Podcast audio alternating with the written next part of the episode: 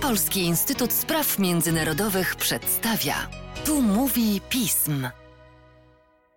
W podcaście Polskiego Instytutu Spraw Międzynarodowych witam Państwa Łukasz Jasina, a moim gościem jest dzisiaj koordynatorka naszego programu azjatycko-pacyficznego Justyna Szczudlik. Cześć Justyno. Cześć, dzień dobry Łukaszu, miło Cię słyszeć. Zachęcony tym, aby zrobić coś o Chinach, a to prawie zawsze musisz być Ty albo Marcin Przychodniak, zajrzałem sobie do kalendarium Unii Europejskiej i cóż widzę, co się odbywa w poniedziałek, wideokonferencja Unia Europejska-Chiny, czyli coś w rodzaju przełożonego szczytu, który miał się odbyć pomiędzy Unią Europejską a Chinami 9 kwietnia, czyli w trakcie największego natężenia pandemii. I tak sobie pomyślałem, Justyno, że zapytam się ciebie, jak w tej chwili prezentuje się stan relacji między Unią Europejską a Chinami po tych kilku naprawdę bardzo ciężkich pod każdym względem miesiącach, które na pewno nie budziły wzajemnego zaufania między państwem środka a, a naszą Unią Europejską? Łukaszu, zadałeś mi bardzo trudne pytanie, dlatego że bardzo ciężko. Ale bardzo, nadzieję równie dobrze. Bardzo ciężko jest tak jednoznacznie powiedzieć, jak wyglądają te relacje. Tak jak wspomniałeś, mamy szczyt w poniedziałek, my się nagrywamy tak dla naszych słuchaczy w piątek, czyli parę dni przed szczytem. Szczyt w ogóle się na początku miał odbyć 31 marca. No i ponieważ zdarzyła się pandemia, szczyt został przełożony i będziemy go mieć właśnie za trzy dni. No a stan relacji powiedziałabym tak, już w ogóle na, od początku tego roku było wiadomo, że to będzie dość ważny rok, jeśli chodzi o relacje chińsko-unijne.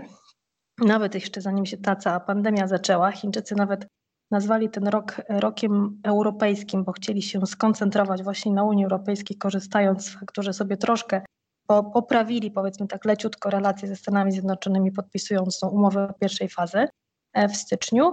No ale zdarzyła się pandemia, i o ile na początku było dość, e, że tak powiem, te relacje były dość poprawne, dlatego że Unia Europejska wysłała pomoc do Chin, zresztą Chiny poprosiły Unię, żeby ona tego specjalnie nie nagłośniała, żeby to było e, dość tak dyskretnie, Unia to zrobiła.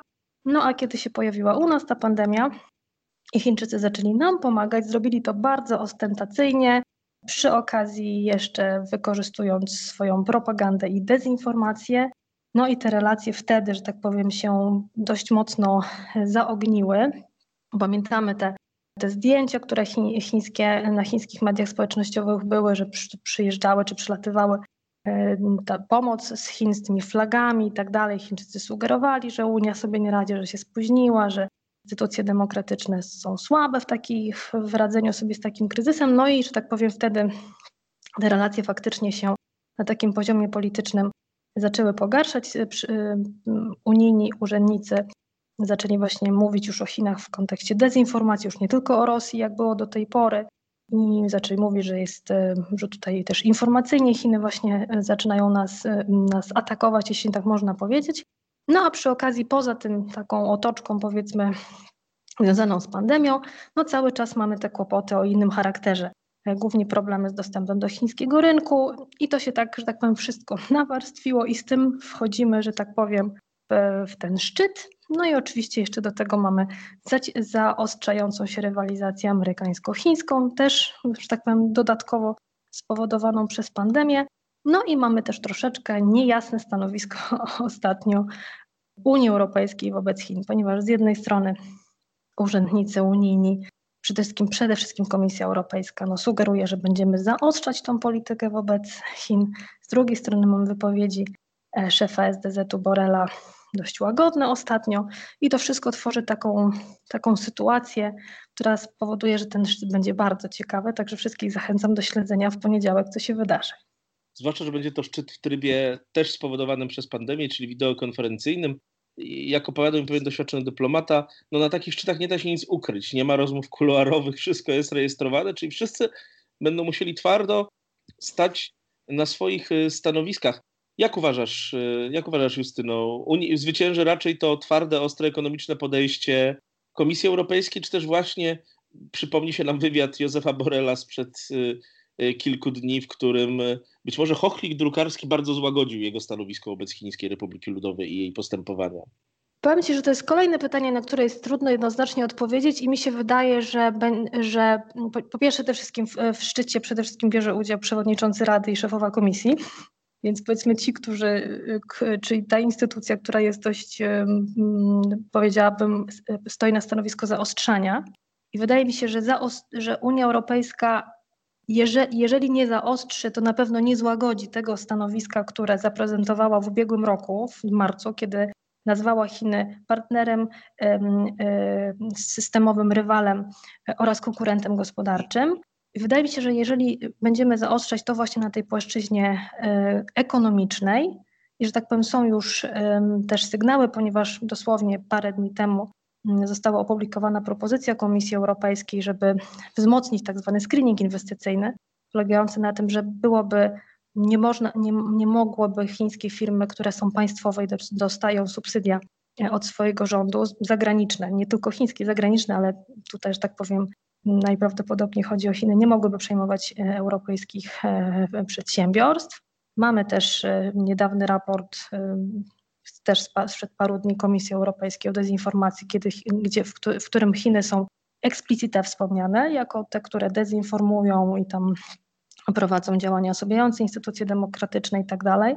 Więc na tej płaszczyźnie wydaje mi się, że raczej zaostrzenie będzie. Natomiast zdecydowanie, i tutaj, że tak powiem, większość e, przedstawicieli Unii, też komisji, nie tylko, nie tylko Josep Borrell, bardzo jasno, otwarcie mówi, że Unia nie przyjmie tego bardzo konfrontacyjnego amerykańskiego podejścia do Chin. I też w wielu wypowiedziach, nie tylko właśnie Borela, E, dość jasno komunikujemy, że z, że z Chinami też będziemy współpracować. Głównie chodzi nam o te kwestie takie duże, globalne, przede wszystkim o kwestie klimatyczne, że bez Chin po prostu problemu klimatycznego się rozwiązać nie da. Też chcemy współpracować z Chinami w Afryce, więc wydaje mi się, że tutaj będą takie zaostrzymy jak gdyby w jednym, w jednym obszarze czy w jednej dziedzinie, w drugiej będzie troszeczkę, troszeczkę łagodniej. I tak jeszcze takie mam, jeśli mogę, takie jedno przemyślenie, ponieważ właśnie też wspomniałeś o Borelu, ja też to śledzę i też mam wrażenie, że te jego wypowiedzi są takie niespójne. Natomiast mam ostatnio takie, takie przemyślenia, że te, te, jego wypowiedzi, które mówią, że trzeba z Chinami współpracować, nawet jakieś sugestie, że to, że, to, że to nasze hasło w sensie unijne z ubiegłego roku że to jest systemowy rywal, trzeba jakoś może złagodzić, że to nie tylko systemowy rywal, że to właśnie też inne są wymiary tych naszych relacji, to też jest pewien, pewien sygnał czy pewna wiadomość wysyłana do Stanów Zjednoczonych, dlatego że Unia Europejska ostatnio bardzo wyraźnie mówi, że musimy przyjąć własną drogę czy własną politykę opartą na naszych własnych interesach, a nie podążać za oczekiwaniami kogoś innego, tutaj w domyśle Stanów Zjednoczonych, czyli jak gdyby sugerujemy dość wyraźnie i to jest dość spójne, mam wrażenie, że tego amerykańskiego kursu, takiego bardzo konfrontacyjnego w stosunku do Chin, nie przyjmiemy. Bardzo ważna sprawa i yy, nim ci jeszcze zadam krótkie pytanie o Stany Zjednoczone, to takie pytanie o naszą Unię Europejską. Na ile my stajemy, i to też wiem, że będzie bardzo ogólne, ale odpowiesz szczegółami, które uznasz za stosowne. Na ile my jako Unia Europejska stoimy wobec Chin razem? Bo mamy jednak politykę francuską, politykę niemiecką, mamy też format 17 plus 1, do którego należą też częściowo członkowie Unii Europejskiej. Czy Chinom e, dalej się udaje wygrywać pewne różnice między członkami Unii Europejskiej w polityce? No na pewno w Unii Europejskiej nie ma takiej spójności, jedności co do polityki wobec Chin. I tak szczerze mówiąc, jak się sama zastanawiam, bo się dość często mówi tak publicystycznie, że Chiny chcą tą Unię rozbijać i dzielić i tak dalej, nie do końca mi się wydaje, że tak jest, że Chiny nie tyle chcą Unię rozbijać, co, yy, co, chcą, co nie chcą doprowadzić do tego, żebyśmy my się zjednoczyli w tym takim, takim mocno ostrym kursie wobec Chin. E, oczywiście różnice są między państwami, na przykład z Niemcami też jest powiedzmy pewien problem, bo Niemcy z jednej strony mówią, że, chcemy, że trzeba za, zaostrzać, z drugiej strony mają tak silne powiązania ekonomiczne z Chinami, że się tego zaostrzenia obawiają. E, mamy też, jak już wspomniałeś, państwa Europy Środkowej, które powiem, te, które są unijnymi członkami tego formatu 17 plus 1. Mam wrażenie, że większość tych państw ostatnio, w ostatnim roku, dwóch, jednak przyjmuje ten kurs bardziej taki ostrożny wobec Chin Wiem, że zaraz się pojawi, może się pojawić e, pytanie o Węgry, chociaż ostatnio, bodajże parę tygodni temu, tam strategia bezpieczeństwa została chyba przyjęta na Węgrzech, których też Chiny są jakoś wspomniane jako coś w rodzaju powiedzmy rywala, zagrożenia, nie wiem dokładnie jak, jak tam to w tym dokumencie jest ujęte, ale też takie sygnały, że, mm, że jakoś też trochę ostrożnie trzeba do Chin podchodzić. Więc na pewno tej jedności jako takiej nie ma, natomiast mam wrażenie, że jednak w tym ostatnim czasie większość państw Unii Europejskiej dostrzega Chiny jako tego partnera, do którego trzeba podchodzić ostrożnie. Na, pewno nie przyjmiemy tego amerykańskiego kursu, nie powiemy, że to, że musimy się od nich odłączać i tak dalej, natomiast taka ostrożność moim zdaniem jest widoczna. I to tylko dobrze świadczy o dyplomatach, a o tym, jak podchodzą do tego Stany Zjednoczone, podchodzą do Chin, to jeszcze pewnie będziemy mieli okazję się na to patrzeć i obserwować, bo przecież stosunki z Chinami stały się jednym z najważniejszych aspektów amerykańskiej kampanii wyborczej. Justyno, dziękuję Ci bardzo za ten wstęp do szczytu, a Państwa namawiam do czytania tekstów działu azjatycko-pacyficznego pismu na stronie Polskiego Instytutu Spraw Międzynarodowych. Justyna Szczudlik, Micha, Marcin Przychodniak, Oskar Pietrewicz, ci wszyscy nasi analitycy i analityczki, którzy obserwują dla Państwa ten bardzo, bardzo trudny kawałek wszechświata, jakim jest rejon Azji i Pacyfiku. I jeszcze Łukaszu, żeby była tutaj sprawiedliwość, Patryk Kugie zajmujący się Azją Południowo-Indiami, a ponieważ nasza, nasz program czy nasza grupa patrzy na świat od tej troszkę drugiej strony e, globusa, również Bartłomiej Znaje, który zajmuje się Ameryką Łacińską. Kiedy sobie przypominam, jak będąc kiedyś w Liwie, patrzyłem się na Pacyfik i wiedziałem, że z drugiej strony znajduje się Indonezja czy Chiny, e, to całkowicie rozumiem takie zorganizowanie geograficzne waszej grupy. A piszecie sporo. Nie tylko tak pod... jest. Zachęcamy do czytania i słuchania. Tak jest. Justyno, dużo zdrowia, żeby się nam pandemia nie powtórzyła, choć inne chińskie fragmenty wkładu kulturowego świat jak najbardziej akceptujemy. Zdrowia. Dziękuję Łukaszu, odwzajemniam. Do usłyszenia.